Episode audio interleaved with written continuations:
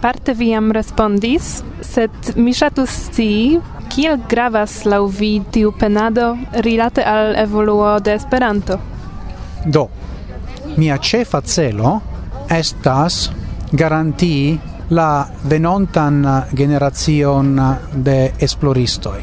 Mi vere shatus che en la estontezo kelkaj el miai studentoi daure esploru pri interlinguistico kai esperantologio, ni diru, do la faca parto de esperanto.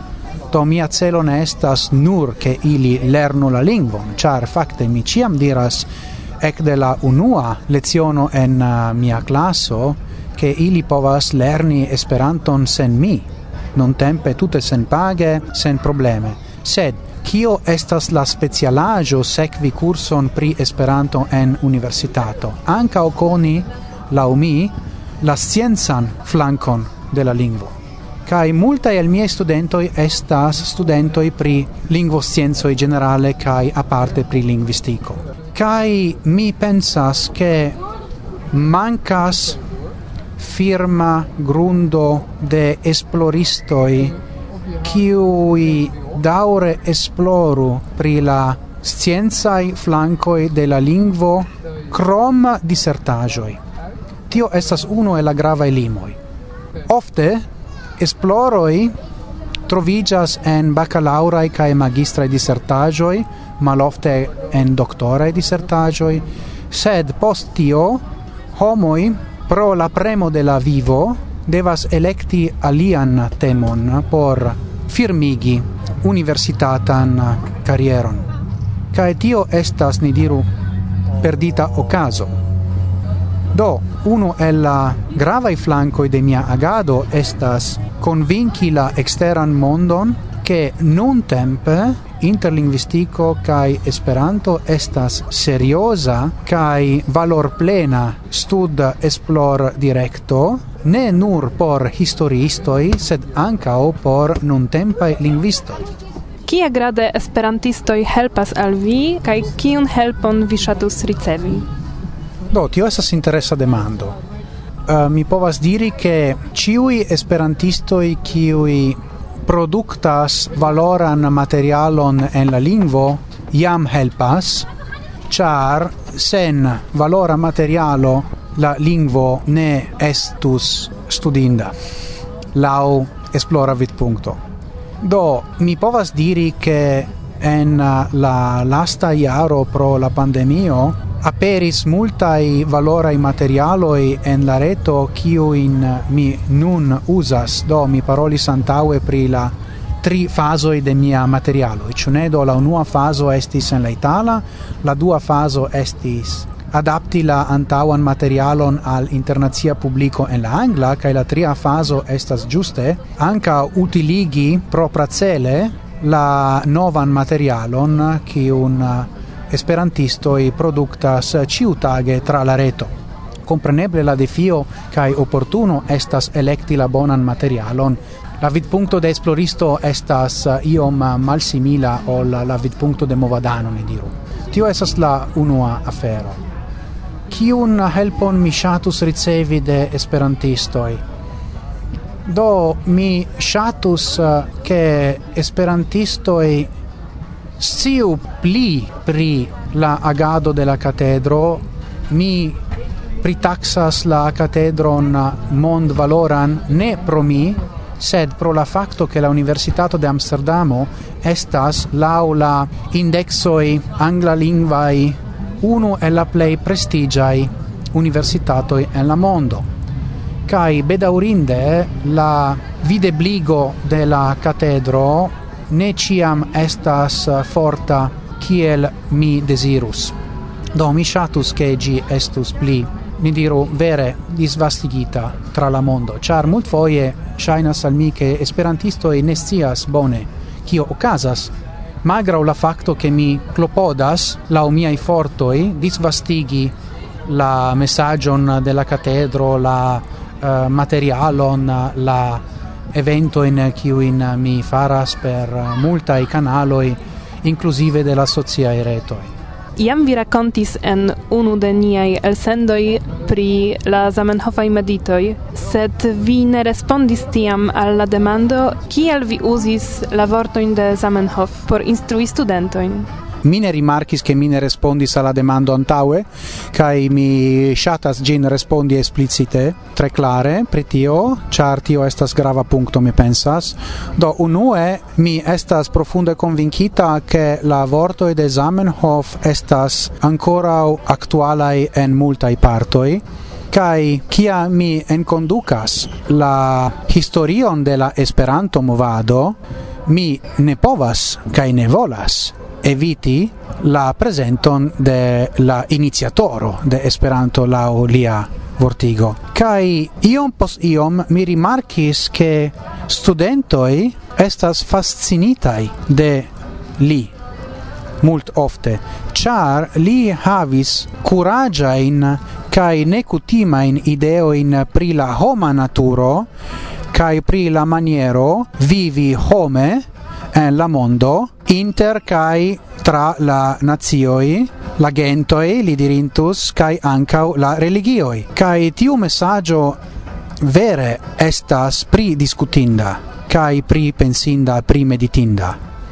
Iu sense estis la studentoi qui vole ne vole instigis min pripensi pli pri tio. Char kia mi discutis eh, interŝanĝis ideojn eh, kun esperantistoj pri Zamenhof, mi rimarkis ke multaj esperantistoj, Esperanto parolantoj tre fluaj fakte, kelkfoje scias preskaŭ nenion pri Zamenhof. Ili nur konas la poemon La Espero punkto fino aŭ eble la letero al Borovko do pri la kvar gentoj en Bialistoko, sed estas multe pli. Do ocasis la pandemio kai kiam mi jam clarigis estis eh, peto de mia studento e doni vid messaggio in al ili kai iom pos iom eh, mi pripensis profundigi en eh, la figuro de Zamenhof anca por mi mem. Do kiam mi havas la senton perdi la fadenon mi revenas alla fonto kai la fonto de Esperanto estas la Zamenhofaj vortoi Kai do mi tutte leger anime sen antau pretigio. Mi legas vere hazarde malfermante la originalan vercaron el tiron el la vercaro de Zamenhof kai poste sen pripense mi commentas dum uh, quin dec minutoi. Kai mi rimarcas che homo reagas kai ili vere almena o la homo qui reagas shatas cune mediti con me kai tio estis maniero por mi havi contacton con ili dum citiu stranga nova periodo de la homa kai homara vivo. Ĉu la Zamenhofaj vortoi en iras viajn materialoin? Yes, en eh, du sensoi, do unu sense dum eh, la curso pri interlinguistico estas unu speciala leziono nur pri Zamenhof, do du plenai horoi en la angla, en kiu mi enconducas Zamenhof contraste al Ben Yehuda por montri la differenzon inter eh, revigigita lingvo kiel la moderna hebrea kai Esperanto kiel planlingvo kai ali flanke pli specife en uh, la curso pri la Esperanta lingvo mi montras parton de la unua parolado en Bologno Cemaro kai alian parton uh, ki un uh, studento ishatas estas la al voco alla diplomato e 1900 vin kai mi montras la originalan version du lingvan flank al flanke Esperanta angla tiel che ili povas anca vidi la differenzoin char la mia compreno Zamenhof estis la unua homo kiu parolis pri la unuigintai stato de Europo sur la modelo de Usono kai ofte estas studentoj pri eŭropaj studoj kiu partoprenas mian kurson kaj ili havas multan ideo in pri la estonteco de europo kaj ili 100% diras al mi che ili neniam profundigis en la rolo della lingua politico rilate alla identezzo kai estontezzo de Europo en aliai curso Do tio estas maniero connecti la vorto in de Zamenhof alla interesso de la studentoi. Generale estas bona la mi consilo rilatigi la enhavon de curso al la aliai iam i curso de la studento e tiel che oni povas ni diru firmigi la conaron de la studentoi. Do Esperanto ne estas verda giardeno isolita en quasi empirea edena crom mondo au paradiso, sed gi estas parto de nia mondo, con multai ligoi al nia mondo, ne nur el la pasintezo sed ankaŭ en la nuno, kai en la estontezo Mi shatus ankaŭ sti, ĉu vi uzas, ĉu vi prezentas al la studentoj iun elementojn de la nuna esperantlingva kulturo? Certe, estas elementoj de la esperanto kulturo kiuj estas, ni diru, parto de la cutimoi. Do mi ciam racontas la invento de la gufuio, exemple, kai tio multe impressas la studentoin kai mi ciam mencias la existon de iunulara movado kai aparte de teio kai ili tutte tutte spontane malcovras la existon de la Duolingo curso kaj tio estas ankaŭ parto de la diskuto kai krom tio compreneble mi montras ancao video in podcasto in kiel Varsovia vento kiam oni yes vere kiam oni demandas min pri audinda materialo, auscultinda materialo en Esperanto, mi ciam consilas podcasto en kai Varsovia vento a parte. Kai anka o compreneble mi consilas pri libroi, leginda e libroi, mi devas confessi che en uh, la lasta iaroi shainas che la studentoi estas iom uh, malpli legemai ol antaue, do ili ne tro legas libro in eh, sed eh, estas grave ne nur eh, legi libro in kiwi estis scribitai per facila lingvo, sed ancau legi libro in kiwi estis scribitai kun interesa en havo Exemple, uno e la libro kiwi ravis mian attenton kiam mi estis juna estis kiel boazoi vagadas kai tiun libron mi rekomendas al ili se ili volas legi ion post la fino de la curso kai de la exameno. Do multo dependas de la studentoi kai de ciu studento effettive. Exemple, antao kelkai iaroi uno el miai studentoi estis profesia pianisto kai musicisto. Li interesigis pri operetoi kai mi ne multe pretio do mi lernis de li kai poste mi malkovris ke existas tradukoj de operetoj al Esperanto kai li voyagis al la centra oficejo al la libroservo de Rotterdamo por aceti unu kai li multe juis legi gin anca laŭ la vidpunkto de la canteblo kai mi sis nenion pregi. do mi ciam lernas kai tio esas la alia ni diru parto kiun uh, mi ege ŝatas de instruado nome che mi ciam lernas de mia studentoi. Lasta tempe mi lernis che estas suffice granda comunumo de pitonistoi do de la programmistoi de la pitona codo lingvo program lingvo por computiloi pri kiu Mi ne sciis multe antaue, do mi sciis pri gia existo, sed mi ne sciis che gi estas suffice populara in Esperantujo. Estis unu al miei studentoj kiu diris tion al mi kaj fakte kiel lasta tasko de citiu el dono de la curso studentoj devas prezenti du minutan videon pri temo kiu rilatas al sia ŝatoj kai al Esperanto kai li certe pri parolos io iomete pri la pitona comunumo en Esperantujo. Kion vi shatus mesaĝi au diri al niai aŭskultantoj? Unue mi volas eh, core danki la opportunon eh, audigi mian vocion per Varsovia Vento, kai mi volas diri al ciui che Esperanto estas granda forto por travivi citiun malfacilan tempon. Mi vidas che homoi kiui usas Esperanton, homoi lau kiui Esperanto estas parto de sia vivo, estas generale pli feliciai, pli pretai rigardi la vivon per rideto. Do, ni benu Esperanton pro tio, cae ni vivigu Esperanton per nia agado. Dankon.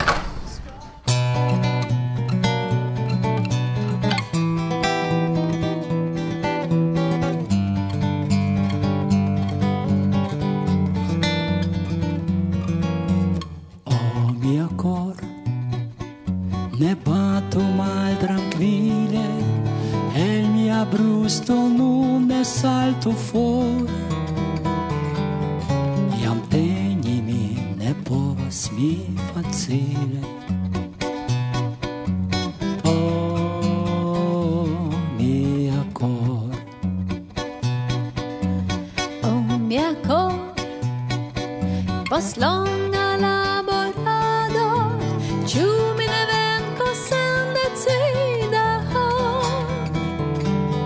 sufiĉe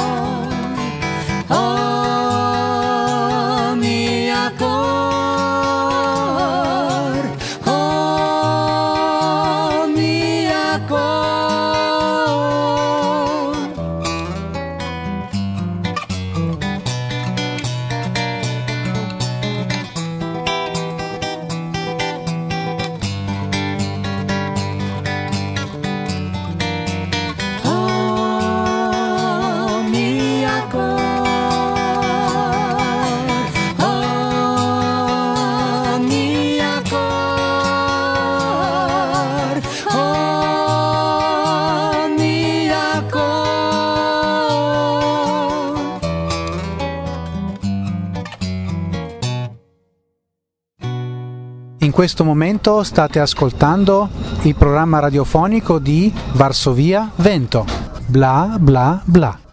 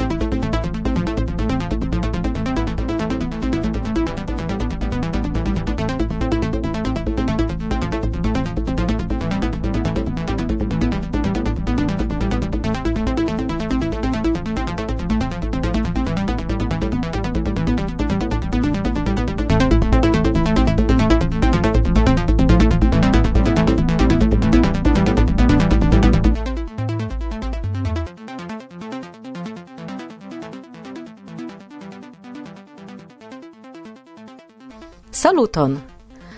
Tiu jaro, simile al la pasinta, por esperantistaro, ancau la pola, sekvis denove en ombro de la monda pandemio. Tiu kvazaŭ milito de la viruso multe influis niajn vivoin, ancau la agadon, kiu comence pasintiare prescau cesis existi. Mala peris la kutimaj ebloi rencontigi, ne nur internacie, sed ancau loce, ciu anticipe planitai activezoi kai eventoi restis nur en formo de notoi pri la planoi nerealigitai.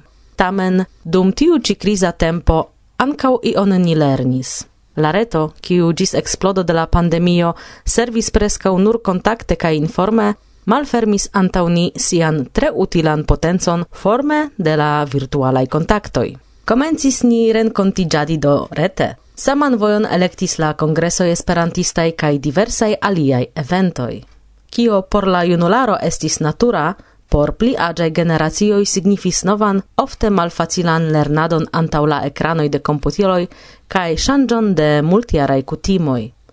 Sed tion ĉi ja vi kaj spertis en siai landoi divers forme. Tamen, probable, multaj el vi ne scias, kio okazis en la lasta tempo ceni, ni, kaj kiam mi diras ni, mi pensas pri la Pola Esperanto Asocio, kiun ja ankaŭ mi reprezentas.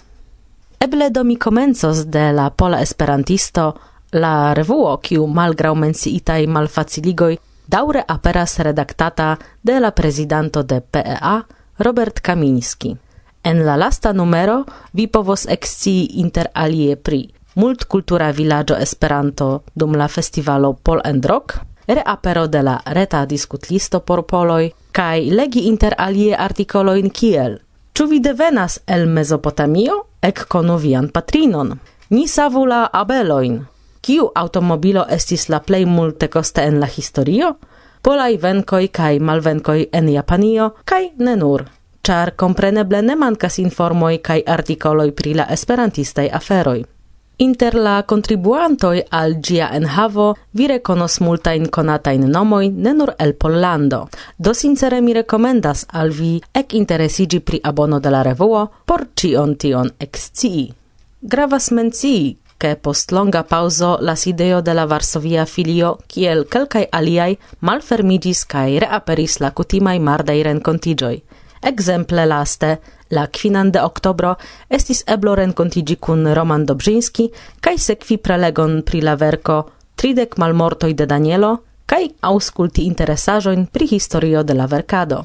Krome, baldau, unu foje dum semajno, fin finfine ekos ne la virtuala jam, sed recta kurso de Esperanto por komencantoj. Aprile, pri kio ni sukcesis nur menci en nia Facebooka retejo, forpasis bedaurinde membro de la Akademio de Esperanto, instruisto, redaktoro de Esperanto redakcio de Pola Radio, historiisto kaj nia amiko Andreo Pettin.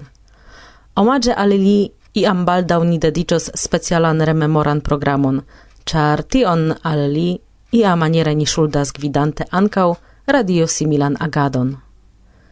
Monaton poste, inter la dudek unua kaj dudek kvara de majo, sekvis finfine longe atendata transponta german-pola fervoista kongreso, kiu anstatał vive en Subice kaj Frankfurto ĉe odro kie ĝuste troviĝas tiu ponto liganta bordojn de ambaŭ urboj, okazis nur en la virtuala formo. Malgraŭ ĉio, ĝi estis interesa sperto. Ne temas nur pri prezentadoj, prelegoj kaj virtuala ekskurso anstataŭ la busa normala, sed la unuan fojon tiam mi spertis virtualan trinkejon, en kiu homoj antaŭ la ekranoj prezentis siajn bierojn kaj babilis kvazaŭ ĉe unu tablo trinkante ilin. Kelkaj el ili preparis eĉ la trinkejan etoson en siaj hejmoj kaj kuŝis dum babilado. Tiun kongreson partoprenis multaj esperantistoj el multaj landoj, eĉ tiuj, kiuj neniam povus veni pro distanco. Do tio, pensante pozitive, esis unu el veraj avantagioi de tiu virtuala aranĝo. Ne pri cio kio okazis mi menciis, ĉar malgraŭ cio, post la unua ŝoko kaj spertoj de la pasinta jaro, iom da aktivecoj ne nur en Varsovio, se temas pri Polando, okazis, sed permesu al mi havi iom da temoj por la venonta elsendo. Parolis Agnieszka, parte kiel vicprezidentino de la Pola Esperanto Asocio, parte kiel redaktorino de Varsovia Vento bla bla bla.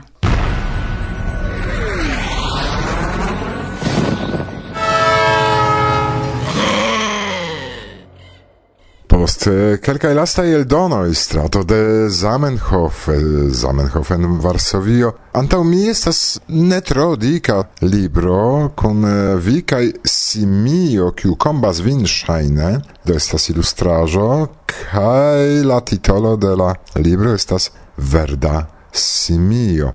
Mi supposas che multe el inter niai auscultantoi neniam audis pri tiu ci historio unue cae due tutte ne scias ca aperis fresha nova libro, do eble pri la libro por comenzo Do mi salutas eh, la auscultanton de Persevia Vento. La libro pri kiu vi parolas havas titolon Verda Simio, Kaj tio estis nomo de la studenta kabaredo, kiun mi fondis en la jaro 1957. Tio estis interesa historia momento, kiam en Pollando okazis la unua revolucio kontraŭ komunismo, tiel nomata nun, kaj tiam Pollando evitis sangan katastrofon, kiel okazis tuj poste en Hungario. Estis eksterordinara situacio, ne tipa por la pola historio, ke okazas iu venko sen sango finigis eh, stalinismo, kaj tiam subite homoj komprenis, ke ekzistas libereco. Kompreneble, se mi nun de tiu ci vidpunkto vidas tiu tempon, ĝi ne estis tiel granda libereco, se tamen por ni gojunuloj tio estis efektive granda ŝanĝo en la historio. Kaj tiam estis generala respondo de la tuta popolo, kiel profiti la liberecon. Kaj interese, ke tiam estis fondita maso da kabaredoj, char cabaredo donis la eblecon de specifa prezento de siai pensoi, set ne concrete, ne? Do esis quasau io surrealisma situatio en kiu oni povas esprimi sian kritikon por tiamaj tempoj. Kaj tio estis eh, tre populara ankaŭ en studenta movado, Do mi tiam studis facultaton de juro en eh, Universitato de Varsovio, kai mi estis eh, sola esperantisto, circa kiu collectigis niei amicoi. Tio estis eh, cefe studentoi de la teatra altlerneo, kaj alia studentoi de la muzika konservatorio. Kai tia maniere mi povis ankaŭ fari po lingvan kabaredon, eh? sed tiam, en tiu momento, subite estis explodo de interesigio pri Esperanto, ĉar baldaŭ estis okazonta eh, la Universala Kongreso de Esperanto en la jaro 1959 kai speciale junularo vidis tion kiel malfermitan fenestron al la mondo same mi vidis tion kai mi diris mi faras tion en Esperanto. Kelkaj miaj kolegoj ĝuste el tiuj teatra aŭ muzika altlernejo volonte lernis Esperanton kai subite montriĝis, ke tio estas bezonata por la movado. Kio au kiu kaŝiĝas eh, malantaŭ la nomo Verda simio? Do vidu, kiam mi preparis eh, la unuajn tekstojn por mia kabaredo, tiam mi jam havis eh, eblecon legi libro in Esperanto. Jam esis biblioteko en Pola Esperanto Asocio kaj interalie mi trovis eh, la libron de Raymond Schwarz kiu estis konata humoristo de Esperantujo en la tempo intermilita. Kai ĝuste tiam li esis fondinto kai gvidanto de la cabaredo kiu nomiĝis Verda Kato. Do, mi ne povis ripeti saman nomon, sed tamen mi capis la ideon, ke estus pli bone diri la Verda Simio. Ŝajnas mi, ke tio estis trege trafa elekto, char la vorto mem non verda simio, hm? ne? kai mi pensas ke tiu nomo si si granda parto de la successoi kiojn effettive atingis tiu cabaredo. kabaredo.